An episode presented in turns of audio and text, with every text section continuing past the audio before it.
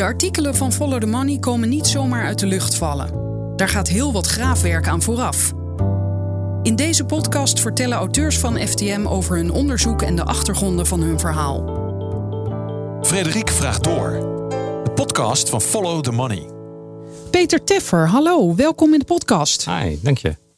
Je zit hier helemaal alleen. Dat is helemaal niet gek, want eh, we hebben wel vaker samengesproken. Maar ik wilde zo graag jouw collega's uit Brussel er ook bij hebben. Want er is een heel bureau Brussel opgetuigd. Ja. En eh, jij zei net, ja, nou is jouw enige gast degene die juist niet in Brussel zit. Maar jij weet er wel alles van. En je hebt lang in Brussel gewoond. Dus vertel, wat, wat is Bureau Brussel? Het staat zelfs uh, als een tabblad op de website van Follow the Money. Precies. Uh, ja, Follow the Money is uh, Bureau Brussel gestart. Dat is een soort verzamelnaam voor de drie verslaggevers, onderzoeksjournalisten die helemaal gespecialiseerd zijn in de EU. Twee daarvan zitten dus in Brussel. Lise Witteman en Jesse Pinster. Lise schrijft volgens mij sinds 2018 al voor FTM. En Jesse is er sinds 1 september bijgekomen. Hij komt van BNR Nieuwsradio. Ja, Heb ik zelf niet direct ook. geloof ik. Heeft hij niet bij Buitenhof nog Oh ja, gezeten? inderdaad, ook nog. Ja, ja, ja. Um, ik heb hem nog, uh, toen hij begon bij BNR, toen ging ik daar net weg. Dat is echt best wel lang geleden. Ja. Maar een, een, radiomaker dus. Ja, maar ook met veel uh, interesse en kennis van de EU. Dus ook niet iemand die daar voor het eerst met het onderwerp te maken gaat krijgen.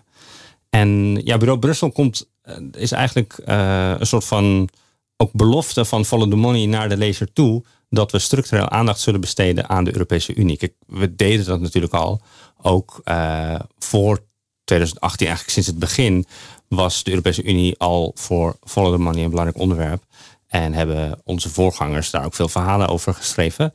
Maar ja, we willen gewoon echt zeggen: dit is heel belangrijk en hier gaan we structureel aandacht aan besteden. Uh, ik zelf ben sinds augustus 2019 bij Follow the Money betrokken. Eerst als freelancer, maar sinds mei dit jaar ook echt als werknemer. Ben jij ook al in dienst getreden? Ik ben inderdaad exclusief nu Follow the Money. Wat leuk, gefeliciteerd. Dankjewel. En uh, ben je hier dan nu met de auto van de zaak gekomen?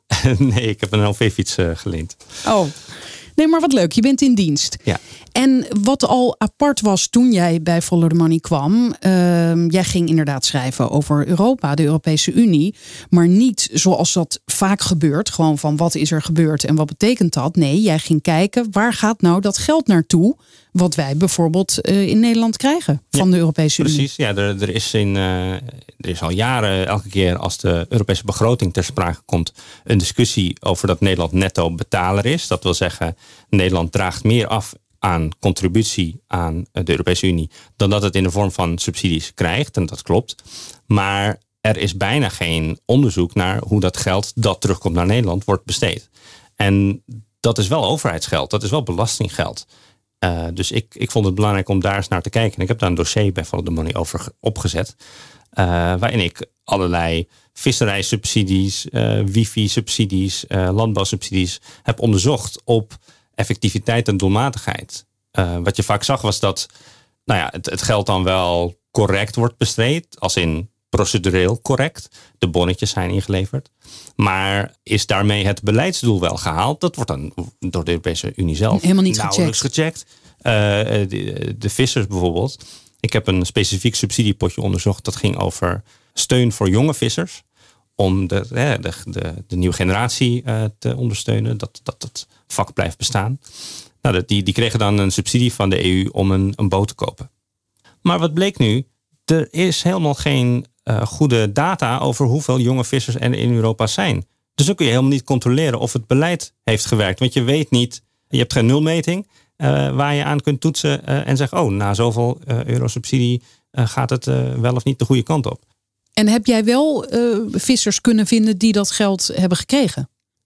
jawel. Uh, maar ook mensen die zeiden, het was ook heel lastig. Uh, de criteria waren gewoon niet zo, niet zo, niet zo prettig. Want dan, dan had je bijvoorbeeld dat je, ik moet nu wel diep graven rond, dit was eind 2019, begin 2020.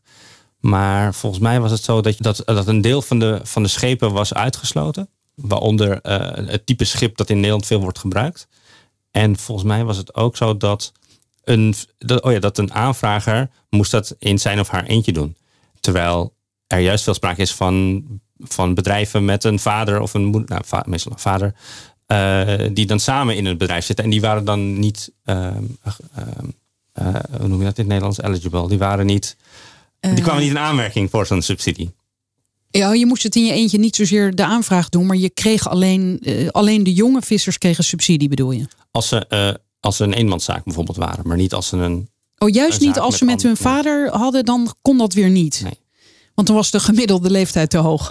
zoiets, ja.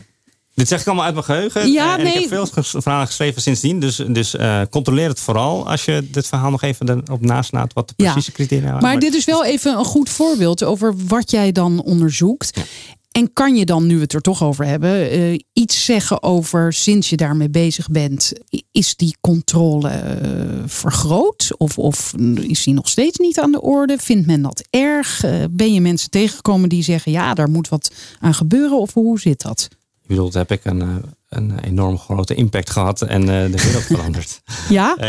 nee, ja, helaas volgens mij niet. En ik ben natuurlijk niet, niet de enige, maar toevallig deze week zag ik dat de Europese Rekenkamer een rapport had over financiële steun aan Oekraïne. En dat dat uh, ja, niet goed terecht kwam. En ik wilde dat op Twitter delen, dus toen ging ik dat opzoeken. Maar toen vond ik ook meteen een bericht uit 2016 met bijna dezelfde titel. Europese Rekenkamer zegt uh, oh. steun aan Oekraïne is niet goed besteed. Dus als antwoord op je vraag, uh, ja, dit zijn, dit zijn problemen die, die blijven en die, die worden heel moeilijk aangepakt. En hoe ga, jij nou, ga jij nou met uh, de. Nou ja, Lise was al jouw collega in Brussel. Maar nu met Jesse erbij, met jouw nieuwe collega's. Uh, wat gaan jullie doen met Bureau Brussel? Wat zijn jullie rollen? Nou, het is niet zo strikt vastgelegd, omdat zo, zo werkt dat niet bij Follow the Money. um, maar wij hebben natuurlijk wel contact met elkaar en houden elkaar op de hoogte waar we mee bezig zijn. En het, het vergroot gewoon wel de mogelijkheden om samen te werken aan wat grotere projecten ja, daar ben ik ook met Lisa al wel mee bezig. Ik zal van de overredactie horen of ik dit uh, allemaal mocht vertellen of niet. Maar we werken samen aan een project over de Europese herstelfondsen. Uh, er is vanwege de coronacrisis een groot Europees herstelfonds opge, opgericht. En dat, dat doen we samen met een groep internationale journalisten. Uh, en Lise coördineert dat vanuit Brussel. En ik ben dan eigenlijk degene die vanuit Nederland kijkt hoe, ja, hoe dat geld hier terechtkomt of hoe daarnaar wordt gekeken. Overigens is Nederland de, de, lidstaat die nog geen plan heeft ingediend. En dus ook voorlopig nog geen, geen geld ontvangt. Maar dat is, uh, nou, dat is een verhaal van later. Um, en, en Jesse is natuurlijk nog maar net begonnen. Dus die, die, die zal denk ik eerst uh, zelf een aantal verhalen schrijven. Maar ik trek ook wel aan zijn jas van, met het idee van... oh, zullen we dit of dit samen doen? Maar het, be, het beperkt zich ook niet tot, onze, tot, deze drie. Uh, ook, ook andere journalisten die bij Follow the Money werken... die schrijven natuurlijk over onderwerpen die Europese dimensies hebben. En uh, die kunnen dan met Brussel bellen en zeggen: hey, zullen we hier samen uh, iets aan doen? En, en is dat wel te doen? Want um, in het stuk waar alle drie jullie namen bij staan van hé hey, jongens, kijk eens, hier is bureau Brussel. Daar staat ook een filmpje uh, waarin Lise vertelt waarom dit zo belangrijk is. Omdat er steeds meer uh, wordt besloten in uh, Brussel en niet in Nederland. En omdat er bijvoorbeeld 30.000 lobbyisten daar rondlopen die het beleid proberen te beïnvloeden. Terwijl er ongeveer duizend journalisten zijn, waarvan maar een heel klein deeltje onderzoeksjournalisten, zoals jullie. Dus kan je dan wel iets bereiken, denk je? Je moet ergens beginnen. Uh, nee, ja, tuurlijk, we zijn een heel klein clubje. En, en ik geloof ook dat een van de lezers in een van de reacties ook heeft gezegd: drie is wel weinig. Ja, dat klopt. Natuurlijk is dat weinig. Maar uh, het is een begin. Ik, als, het, uh, als het goed is, zal dat te zijn tijd ook wel worden uitgebreid. Dat kan natuurlijk ook alleen maar als Follow the Money groeit en meer leden krijgt. Maar uh, je, je, je, moet ergens beginnen. Het is inderdaad, zoals Lisa ook vaak zegt, heel erg braakliggend terrein. Kijk, toen ik vijf jaar in Brussel zat, heb ik ook heel veel eigen onderzoek gedaan. Onderwerpen waarvan ik dacht, dit ga ik uitzoeken. En niet zozeer de agenda volgen die op dat moment, uh, waar de Europese Commissie op die dag een persconferentie over hield. En ik heb me eigenlijk nooit zorgen gemaakt over, goh, zal een ander journalist met hetzelfde onderwerp bezig zijn? Word ik straks gescoopt of niet? Want ja, ondanks dat er ongeveer duizend journalisten in, in Brussel zitten, die volgen allemaal het dagelijkse nieuws. Want dat, dat is dan één iemand voor een krant of een, of een, of een omroep, misschien twee. Maar ja, er gebeurt zoveel. Ik bedoel, stel je voor dat er in Den Haag voor een krant maar één journalist zit die en de parlementaire discussies moet volgen en uh, het beleid dat wordt geschreven en wat er op de ministeries gebeurt en de uitvoering. Ja, dit is natuurlijk eigenlijk ja, absurd zoals we ook in, uh, in, dat, dat stuk schrijven. Ja, En nu heb jij twee artikelen uh, geschreven die, waarin je inzoomt op het stemgedrag van Nederlandse ministers in Europa. Omdat, zoals jullie ook bij dat bureau Brussel zeggen, veel meer dan wij, de burgers, denken, wordt besloten in de Europese Unie. En jij dacht, ja, oké, maar hoe wordt er dan gestemd? Ja, um, het is een, een, een veelgehoorde cliché of, of stereotypen over Europa dat dingen moeten van Brussel. Uh, Europa heeft besloten dat, dat, dat. En ja, die beeldvorming uh, ja, geeft het idee alsof er een soort van buitenaard schip boven ons hangt dat allerlei wetgeving in Nederland in, uh, ingooit. Maar dat, dat is gewoon niet zo. Wetgeving van de Europese Unie kan er alleen komen als de meerderheid van de lidstaten ermee instemt. Dus de Europese Commissie, en vaak wordt Brussel gebruikt als synoniem voor de Europese Commissie, uh, die kan heel veel voorstellen doen, maar die kan niks doordrukken. Die heeft de steun van de lidstaten gewoon nodig. En de instelling waar die lidstaten da, dan hun, uh, hun, hun, oordeel erover vellen, dat heet de Raad van de EU. Um, en dat is het vervelende van schrijven over Europa, is dat je toch altijd ook een stukje maatschappijleer in je artikelen moet, moet Ja, want uh, dan leg je alweer uit, uh, de, de Raad van de EU is weer wat anders dan de Europese Raad. Precies, en vergeet ook de Raad van Europa niet, wat weer een heel andere instelling is. Ja, hoe, hoe die mensen in de jaren 50 hebben besloten om die dingen die namen te, te gebruiken. Maar goed, um, ze hadden misschien kleuren moeten doen. De paarse bestuurders, de groene bestuurders, de gele bestuurders. Dan onthoud je het misschien beter. Ja, maar dan krijg je natuurlijk partijpolitieke. Ja, want die hebben ook weer kleuren. En ja. ja, ja. Uh, nee, maar goed. Um, de raad. Dat is de plek waar ministers uh, samen hun, hun oordeel vellen over of een voorstel van de commissie wel of niet wet mag worden. Dus een soort Tweede Kamer eigenlijk. een soort ministerraad. Minister, oh, zie je, ja. dan zeg ik het dus ja. al verkeerd. Uh, als, je, als je het wil vergelijken met uh, de Tweede Kamer, dan zou, je, dan zou dat het Europese parlement zijn. Um, hoewel je, ja, je zou ook een vergelijking kunnen maken in, met Amerika met de Senaat en het Huis van Afgevaardigden, omdat daar de Senaat de afgevaardigden zijn van de staten. Uh, en de, en de, het Huis van Afgevaardigden rechtstreeks de burgers. Maar goed, ja, daar zijn ook weer hele boeken over geschreven over hoe je dat. Kijk, de, de EU is een uniek systeem. Dus je kunt het bijna niet vergelijken. Je kan het wel vergelijken, maar uh, het is moeilijk om. Nee, laten we dat niet doen, want dit klinkt allemaal veel te verwarrend. Dus, we zijn die raad. verder. Ja, en, daarom. Uh, je hebt dus die raad. Ja, daar wordt uiteindelijk gestemd. En ik ben gaan kijken hoe, hoe stemmen uh, Nederlandse ministers dan. En wat blijkt nu, in 96% van de gevallen, corrigeer me als ik het verkeerd heb, stemmen Nederlandse ministers voor wetgeving.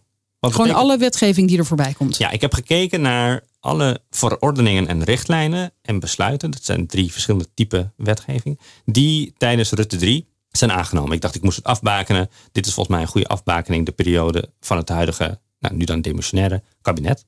En nou ja, in die periode is dus bijna altijd het uh, knopje ja ingedrukt of voor. Uh, en slechts een enkele keer nee of onthouding. Want je kunt als lidstaat ook zeggen: uh, ik ben niet voor, ik ben niet tegen, ik onthoud me van de stemming. En dus het, het, het, de beeldvorming die je wel eens hebt van ook Nederlandse politici die zeggen: Oh, dit moet uh, van Brussel. Dat, uh, ja, dat is gewoon onzin. Want ze stemmen in de, meestal stemmen ze gewoon in. Ja, en je hebt daar een mooi uh, concreet voorbeeld van. Toen corona er net was en heel veel vliegreizen werden gecanceld. Toen kwam die kwestie van de vouchers. Hè? De, de luchtvaartmaatschappijen die zeiden, u krijgt een voucher. Ja. En dat leg jij heel mooi uit, dat Rutte toen ook opeens deed alsof Europa iets besloten had waar hij helemaal buiten stond. Ja, ja uh, Rutte die, die schaarde zich eigenlijk achter de luchtvaartmaatschappijen en zei ja, een voucher, dat is goed. Uh, ze hoeven eigenlijk geen geld terug te geven. Maar dat klopt niet. In de verordening die volgens mij in 2004 is aangenomen, staat gewoon als burger of als consument in dit geval, heb je recht op of een voucher of een vergoeding en dat mag je zelf kiezen. Maar door te doen alsof het een, uh, een mening van de Europese Commissie is, want de Commissie is de instelling die lidstaten aan hun afspraken herinnert, uh, ja, deed Rutte alsof, uh, alsof dit helemaal niet zo is. Alsof het, ja, wat ik zeg, een, een mening Nou, want die ook, richtlijn, daar had hij dus zelf mee ingestemd. Nou ja, uh, 2004 zat hij nog niet uh, aan het okay, roer. Maar, maar de Nederlandse regering, Nederland ja. En dat was destijds een VVD, CDA, D66 kabinet. Dus in die zin hebben zijn moet hij ervan geweten hebben?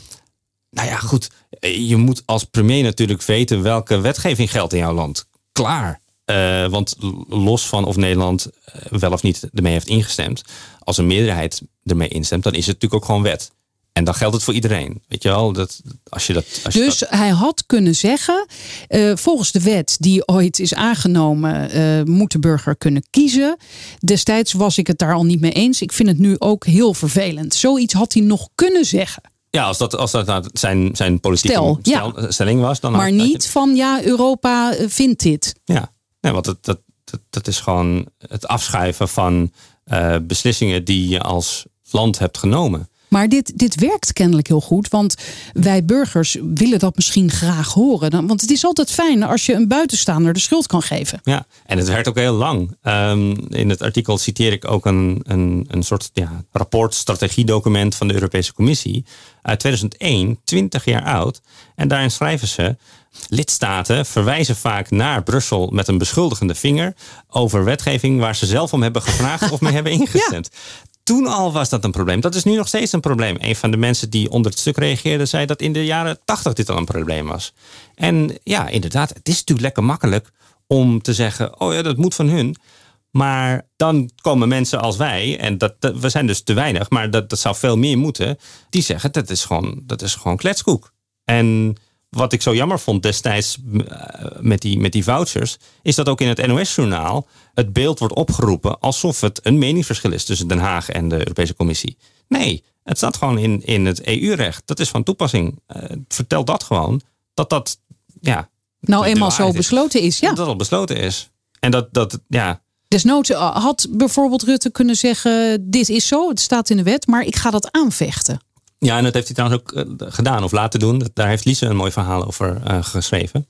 Dat uh, minister Cora van Nieuwenhuizen heeft geprobeerd om die, uh, die eisen... Nou, eisen, om, die wet om, dus. die, om die wet tijdelijk buiten werking te stellen. Dat luchtvaartmaatschappijen wel alleen Oké, okay, maar dat is niet gelukt? Nee, nee, nee, nee. inderdaad. waarom vraag ik dit? Want ik heb zelf geld teruggekregen van mijn vliegticket. Ja. Kijk, ja. Nou, daar, daar heb je dus de Europese Unie aan te danken. Bedankt, Europese Unie. Ja, ik was er wel blij mee eigenlijk. Ik dacht voordat eh, KLM failliet gaat, eh, wil ik liever mijn geld terug. Ja, nou ja, je lacht nu, maar uh, hè? Ik, ik was toen ook in paniek. Hè? Ja. En ik wist nog niet dat we miljarden. Dat was voordat bekend werd dat mm. KLM miljarden ging krijgen. Hè? Let wel. En um, dat was het eerste stuk. Met dat hele onderzoek was het eigenlijk makkelijk om aan die informatie te komen?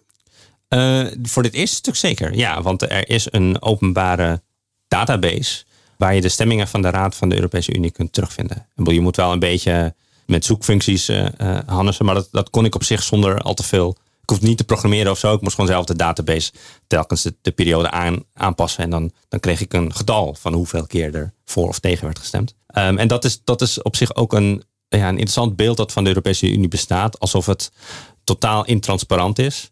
Er is ontzettend veel informatie over de EU. Alleen je moet weten waar je het kunt vinden. Ja, en je moet er ook zin in hebben. Ja, je moet ook zin hebben, ja, natuurlijk. nee, dat klopt. Ja, en het tweede stuk gaat dan over de vraag: uh, wat kost ons het ja zeggen eigenlijk? Mm hè? Dat vond ik wel leuk geformuleerd. Ja. Als wij ja zeggen, wat kost dat dan? En dan komt er een getal eh, van 212 miljoen tijdens die kabinetsperiode van Rutte 3.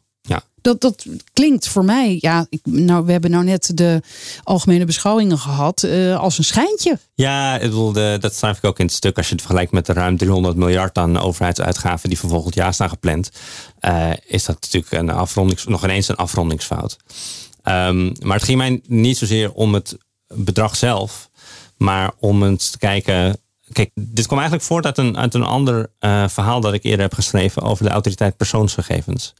We hebben sinds 2018 een algemene verordening gegevensbescherming, AVG, die jou en mij veel meer rechten geeft op het gebied van privacy. En met name bescherming van je, van je data. In theorie. Maar voor de praktijk hebben we de autoriteit persoonsgegevens die toezicht moet houden. Alleen die organisatie kampt al jaren met een personeelstekort. Die hebben gewoon te weinig budget, zeggen ze zelf. En dat, dat blijkt ook wel uit uh, hoe lang je moet wachten voordat je klacht wordt behandeld. En het, het interessante is dat in de AVG zelf waar Nederland mee akkoord is gegaan, staat een artikel. Elke lidstaat zorgt ervoor dat de toezichthouder voldoende personele middelen heeft om zijn taken uit te voeren. En in de onderhandelingen dus je bent wettelijk verplicht om te zorgen dat er bijvoorbeeld geen personeelstekort is. Als lidstaat, ja, ja. klopt. En Nederland heeft tijdens de onderhandelingen voor die AVG geprobeerd om juist dat artikel uh, eruit te halen of aan te passen. Want, en dat was in 2013 Fred Teven, die daar toen verantwoordelijk voor was, van de VVD, die schreef: Nederland heeft uh, wat, wat het grondwettelijk budgetrecht heet. Het Nederlands parlement gaat over hoe Nederlands belastinggeld wordt besteed. En dus uh, zo'n bepaling interfereert, botst eigenlijk met dat budgetrecht. Ja, dus oftewel, wij bepalen zelf of wij te weinig geld uitgeven aan controle. Dat, ja, dat, dat, is, dat is waar het op neerkomt. En toen dacht ik, ja, maar wacht eens even. Is dat wel zo? Klopt dat idee uit onze grondwet eigenlijk nog wel? Want Nederland gaat al jaren akkoord met allerlei taken. Als je nieuwe regels bedenkt voor burgers en, en bedrijven, ja, dat moet gecontroleerd worden. Dat kost geld. Uh, zelfs al, al doe je heel weinig, het kost nog steeds geld. Dus het idee dat uh, de Nederlandse overheid volledig onafhankelijk nog kan bepalen waar het zijn geld aan besteedt, dacht ik, ja, dat, voor mij klopt dat niet. Dus toen ben ik eh, gaan kijken naar specifiek de wetgeving die in één kabinetsperiode is aangenomen, wat daar de uitvoeringskosten van zijn en de toezichtskosten. Kijk, sommige uh, van die EU-wetten die, die moeten één keer worden uitgevoerd en dan, dan is het klaar. En andere zijn gewoon nieuwe regels die je jaarlijks eigenlijk zou moeten toetsen. En, en dus daar kwam dat idee vandaan. Nou, toen ben ik in mei ongeveer begonnen. Heb ik die 400 verordeningen en besluiten heb ik uh, op een rij gezet. Of ik heb het laten scrapen door mijn collega Remy Koens. 400? Ja. Er waren 400 uh, eh, besluiten, verordeningen en richtlijnen die sinds oktober 2017 in Brussel in de Raad werden aangenomen. Um, die ben ik stuk voor stuk gaan bekijken. En daar vielen wel een heleboel af. Want dan had je dingen als formaliteiten om Brexit te regelen. Juridische kaders voor EU-agentschappen die, die hun eigen budget hebben. Allerlei andere dingen die met, met de EU-begroting te maken hebben. Dus, en, en even, eh, die 400, dat is hetzelfde getal als. Uh, daar ben je ook gaan kijken hoe vaak hebben we ja, gezegd en hoe vaak hebben we nee gezegd. Ja, dat is dezelfde 400. Ja, dat heb je me ooit een keer verteld. Uh, luisteraars vinden het heel moeilijk om getallen te, onthouden. En dat, dat, of tenminste, vinden het moeilijk. Ik wil niet uw luisteraar, uw intelligentie uh, uh, aanvallen. ja. Dat geldt voor mij dan natuurlijk ook. Nee, dat, dat je dat gewoon moeilijk onthoudt. Maar um, de, het is de kracht van de herhaling, is het eigenlijk. Hè? Dus jij hebt die 400 stemmingen bekeken. Hoeveel jaartjes, hoeveel neetjes. En toen ging je kijken hoeveel hebben die 400 handelingen ons gekost. Ja, nou toen, toen ben ik gaan kijken om wat voor regels gaat het. En bij 83 daarvan zag ik hey, dit, dit moet worden uitgevoerd. Dit gaat wel op een of andere manier geld kosten. Geld kosten. En in veel gevallen uh, kon ik dat concluderen op basis van een overheidsdocument. Dat heet BNC-fiche. Sorry voor het jargon, maar dat, is wel uh, bijzonder dat dat in Nederland bestaat. BNC staat voor Beoordeling Nieuwe Commissievoorstellen. En eigenlijk vrijwel standaard bij in elk geval belangrijke nieuwe wetsvoorstellen. Dan stelt een groep ambtenaren een, documentje op waarin ze eigenlijk kort even kijken wat heeft dit voor gevolgen voor Nederland. Als soort richtlijn ook voor het parlement om te bepalen wat vinden we daarvan. En daarin staat ook vast een onderdeel financiële gevolgen voor overheden en decentrale overheden. Dus daar stond dan vaak in de autoriteit persoonsgegevens moet dit gaan handhaven. Of de autoriteit consumentenmarkt, uh, et cetera. Nou, toen had ik dus 83 verschillende verordeningen en richtlijnen. Stukken wetgeving, om het simpel te houden. En ongeveer tussen de 35 en 40 verschillende instanties. UFV, CBS, allerlei ministeries. Wat op zich ook wel weer een goede ja, reminder was hoe ver de Europese Unie reikt. En dat de Europese Unie ook zorgt voor werkgelegenheid in eigen land. um, nou ja, goed. Nee, maar serieus. Ik bedoel, er moeten mensen dus aan het werk gezet worden om die dingen te controleren. Ja, maar je kunt je natuurlijk ook afvragen dat, dat Nederland anders misschien dingen zelf had geregeld.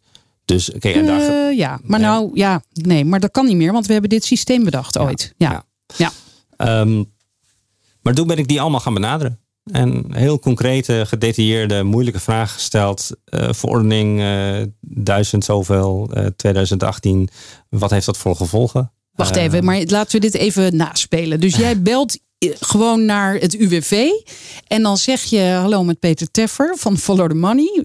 en dan zeg jij AVG 1000 nog wat. Nee, ik heb natuurlijk e-mails gestuurd. Want ik weet je gaat een woordvoerder niet lastigvallen met zo, dit, dat weet niemand uit zijn hoofd. Dus ik heb dat op e-mail gezet. En, en maar wat vroeg je dan? Nou, ik vroeg um, bijvoorbeeld, uh, deze, deze verordening is aangenomen. In het BNC-fiche vooraf stond de verwachting van het kabinet dat uh, dit zoveel geld zou kosten. Of dat nog niet bekend was, maar dat het wel uitgevoerd moest worden door jullie.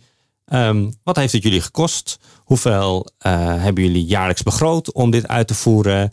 Uh, moesten jullie extra mensen aannemen of omscholen? Om hoeveel FTE gaat? Dat soort uh, vragen. Om, ja, om, om gewoon kwantitatieve data te krijgen waar je, waar je iets mee kan. En, laat maar raden, je kreeg direct antwoord van iedereen. ik kreeg zeker niet direct antwoord. Maar ik kreeg uiteindelijk antwoord van iedereen. Echt? Dat heeft mij echt verbaasd. Zeker na deze week weer het debat in Pakken Zwijger... Uh, met de jeugdzorgcollega's uh, gehoord te hebben. Hoeveel weerstand zij wel niet hebben gekregen. Uh, nee, het heeft me wel positief verrast hoe goed ik antwoord kreeg. Of goed, dat moet ik anders zeggen. Dat ik antwoord kreeg. Niet al, nee, want sommige antwoorden waren ook wel weer dan kreeg je te horen van 2020 tot 2027 uh, zoveel euro. Zonder dan precies gespecificeerd hoe wat. Dus, maar, maar niemand zei waar, waar heb je het over of hier hebben we geen tijd voor. Zoals bij de jeugdzorg. Ja, nee, ik kreeg wel veel telefoontjes van, hè, van bijvoorbeeld het het CBR en het, het, het, de, de autoriteit die te maken heeft met auteursrechten, die dacht echt, waarom bel je mij? Of, of mail je mij? Waar heb je het over? Waarom, oh jee, waarom een verhaal over ons? Maar dat, dat is natuurlijk... Ja, mensen zijn ja, natuurlijk meteen bang van wat is de misstand? Ja, ja, volle money staat aan de deur, dus uh, we, zijn we in de probleem. Maar dat is natuurlijk niet het geval bij dit onderzoek. Ze zijn slechts een van de 35 die ik onderzoek. En ik denk ook dat dat eraan heeft bijgedragen dat ze het wel voor me wilden uitzoeken. Want ze wisten dat ze onderdeel waren van een groter onderzoek. Zeker de mensen met wie ik dan even telefoons contact heb gehad. Die vonden het ook echt interessant. Die zeiden, oh ja, ik ben ook wel benieuwd dan wat er, wat er uitkomt. Dus, uh, maar goed, nee, het heeft echt wel lang geduurd. Uh, er zat ook een vakantieperiode tussen. Dus uh, dat ik okay. mensen moest herinneren. Maar uiteindelijk heb ik van zo goed als elke organisatie die ik heb aangeschreven een antwoord gekregen. En daar kwam dat bedrag van 212 miljoen uit uiteindelijk? Ja, aan eenmalige kosten. En 73 miljoen volgens mij jaarlijks. Kanttekening, dit is nog maar een beperkt beeld. Want van ongeveer de helft van de 83 die ik heb onderzocht, was het nog helemaal niet duidelijk. Hmm, oh, dus uh, dat komt in de komende jaren nog. En één daarvan, dat is een verordening voor een single digital gateway. Oftewel een, eigenlijk een loket voor burgers die uh, in andere EU-lidstaten zijn gaan wonen. Die verordening alleen al, voor, volgens sommige schattingen, kan dat tussen de 100 en 500 miljoen, dus een half miljard, gaan kosten aan uitvoer. Maar dat zijn nog schattingen, dus dat heb ik niet in dat totale bedrag genomen. Misschien moet ik nog uitleggen waar die verordening over ging. Dat ging over dat als je als EU-burger in een ander land gaat wonen, dan is het natuurlijk best wel moeilijk als je de taal niet spreekt om te weten hoe het zit met uh, je, je parkeervergunning aanvragen of afvalstoffenheffing of weet ik allemaal wat voor dingen, paspoort aanvragen. Dus heeft de Europese Unie besloten dat daar een, een minimum aantal informatie in een andere taal beschikbaar moet zijn. Nou, dat moeten gemeentes in allemaal. In een andere taal of in het Engels? Um, de, de formulering is zodanig dat er staat uh, een, een taal van de Europese Unie die door uh, een groot deel van de grensoverschrijdende mensen wordt gesproken. Nou, wacht eens even. Een taal van de Europese Unie, dan kan het geen Engels meer zijn. Die had ik verwacht, maar we hebben nog Malta en Ierland als oh, Oké, okay, tuurlijk. Ja, ja, ja. Uh, maar er zijn ook wel wat uitzonderingen mogelijk. Als je bijvoorbeeld een kleine grensgemeente bent vlakbij Duitsland, dan kun je ook voor Duits kiezen. Maar goed, de, het, het, wat daar interessant aan is, misschien ook wel zorgelijk, is dat de gemeenten zelf moeten bepalen hoe ze dat geld gaan ophoesten. De gemeente Utrecht die heeft uh, 150.000 euro per jaar vrijgemaakt op de begroting de komende jaren om twee vertalers aan het werk te zetten. Nou, de gemeente Utrecht is dan nog een, een van de vier grootste gemeentes. Maar... Waarom moeten de gemeenten dat zelf betalen? Ja, goede vraag. Dat is dus ook gedecentraliseerd of ja. zo. Ja, ja, ja, ja, Nou ja, zolang ze het hebben, kan het dus. Maar er zullen misschien ook weer gemeenten zijn die zeggen: nee, het geld is op. Uh, al op andere vlakken. Laat staan dat we zo'n. Taalloket kunnen openen. En er is ook een nieuwe Europese wet over verkeersveiligheid. Ik weet even niet meer exact wat voor taken dat aan de gemeente geeft. Maar de, de, daar zit volgens mij ook het een en ander wat ze moeten gaan doen. Uh, ja, dat, dat, dat zijn ze ook. Ze, ze zijn er wel over in gesprek met het Rijk. Um, dat ze zeggen, ja, dit, die hebben een vergoeding voor nodig. Maar vooralsnog uh, zegt uh, het ministerie, als ik daarover vraag, dat moeten ze zelf betalen. En jij zei net wat, wat zorgelijk is. Nou, dit dus bedoelde je eigenlijk. Ja, dit, dat- dit kan zorgelijk worden. Of Ja. zijn al, ja. Nou ja, kijk, of je, je bedenkt een regel die je kunt uitvoeren, of je laat het zitten. Maar je gaat niet een, een regel invoeren eh, die financieel niet haalbaar is. Lijkt mij. Dat lijkt Of mij zoals, eh, ik moet nu denken aan eh, de check van de QR-code. Dat de gemeente Amsterdam al zegt, we, trouwens, wij gaan niet handhaven. Ja, hallo. Dat, dat, zo werkt het. Ja zo, nou ja, zo gaat het steeds vaker tegenwoordig. Maar dat is vreemd. ja, en inefficiënt. Ja, En, en draagt natuurlijk ook helemaal niet bij aan het imago van de Europese Unie. En dat is het natuurlijk ook. Kijk, de EU is zo nuttig en handig als de lidstaten haar maken. Als, als lidstaten wel akkoord willen gaan met nieuwe regels, maar ze vervolgens niet willen naleven. Ja, wat heb je er dan aan? En dan terugkomend op-? En dan terugkomend op het begin. En als er dan sprake, als er over gesproken wordt, als politici dan ook nog gaan zeggen. En wij burgers dat weer herhalen van ja, dat wil Europa, maar Mhm. dat doen wij niet. Dan, dan is het zo verwarrend en helemaal inefficiënt. Ja. Het is zelfs zo dat eh, Rutte nu in Europa bekend staat als Mr. No. Maar dat blijkt dus uit jouw onderzoek eh, eigenlijk nergens op gebaseerd. Want we zeggen meestal yes. Ja, nou ja, goed. Kijk, Rutte zegt zelf niet vaak nee. Tenminste, dat moet ik anders formuleren. De premier van een land die stemt niet. Eh, althans, nauwelijks. Er wordt af en toe gestemd over een nieuwe voorzitter van de Europese Commissie bijvoorbeeld. Maar eh, als, als Rutte naar zo'n EU-top gaat, dan, dan zit hij in. eh dan komt hij de Europese Raad. En dat is dus weer wat anders dan de Raad van de EU. De Europese Raad is de verzameling van regeringsleiders. Plus de voorzitter van de commissie, dat is nu Ursula von der Leyen. Plus hun eigen voorzitter, dat is nu Charles Michel. En die, die komen vaak bijeen om echt ja, crisisbesluiten te nemen. Zoals over die coronabedragen. precies, die naar toen bijvoorbeeld naar Italië zouden gaan. Daar kwam enorme ophef over. Ja, nou, en toen zei Nederland nee. toen, toen was eh, inderdaad Rutte erg tegen eh, nou ja, geld naar eh, zuidelijke landen en dergelijke. En, en werd hij door eh, verschillende internationale media getypeerd als Mr. No. Ook wel Mr. No, No, No. Eh, dat schreef geloof ik Reuters op basis van eh, eh, diplomatieke bronnen uit eh, het Zuid-Europa. Ja, of dat zo is, dat kan heel goed, maar dat, dat weet je eigenlijk niet. Want eh, je zit niet, Nee, want ten eerste, je zit niet in die zaal, deuren, gesloten deuren. En ten tweede, er wordt niet gestemd. De Europese Raad besluit bij consensus. Dus dat betekent of ze, ze kletsen door eh, tot diep in de nacht tot ze eruit komen. Of ze schu- schuiven het vooruit. Gebeurt ook heel vaak. Dat ze zeggen, dit onderwerp komen we over vier maanden weer, weer op terug. Dus de algemene politieke contouren worden dan geschetst. Maar de uitvoering, dat gebeurt dan in die Raad van de EU. Dat zijn de ministers voor Binnenlandse Zaken, minister voor Landbouw, minister voor Visserij enzovoort. Die nou, ja, specifieke Europese wetten goedkeuren of niet. Ja, en, En daarvan. daar zeggen ze dus ja. meestal ja. Nou, dit is allemaal heel duidelijk, Peter. En het grappige vind ik, of grappig, eh, ik, nou dan ga ik aan jou vragen. Vind jij dat grappig dat er dan bij zulk onderzoek, waar inderdaad niet direct een misstand uitkomt, dat sommige leden, lezers, andere mensen zeggen: ja, wat, eh, wat wil je hier nou mee zeggen, Peter Teffer? Eh, nou, ik wil laten zien hoe het zit. ja, en, en eh, de, de politieke discussie voorzien van enige feitelijkheid. Want dat, dat is eh, wat er volgens mij wel eens aan schort. Kijk, de Europese Unie is een samenwerkingsverband dat heel veel emoties losmaakt. En vaak in een, een frame wordt gezet als van je bent er voor of je bent er tegen. En dat vind ik niet zo, niet zo heel behulpzaam. Ik bedoel, het is gewoon de realiteit. En het, natuurlijk is het goed om een discussie te hebben over... is het beter om niet in de EU te zitten dan wel? Hè? Maar eh, ondertussen zitten we in de Europese Unie, dus daar moeten we mee dealen. En dat doen we door ja, feitelijk te kijken wat er aan de hand is... en eh, hoe politici stemmen, wie de verantwoordelijkheid heeft... en niet eh, ons te verschuilen achter stereotypen en, en clichés. Dankjewel. Graag gedaan. Hoera! Follow the Money heeft 30.000 leden. Zonder die leden is er geen onderzoek. Ook lid worden? Ga naar ftm.nl. Dankjewel.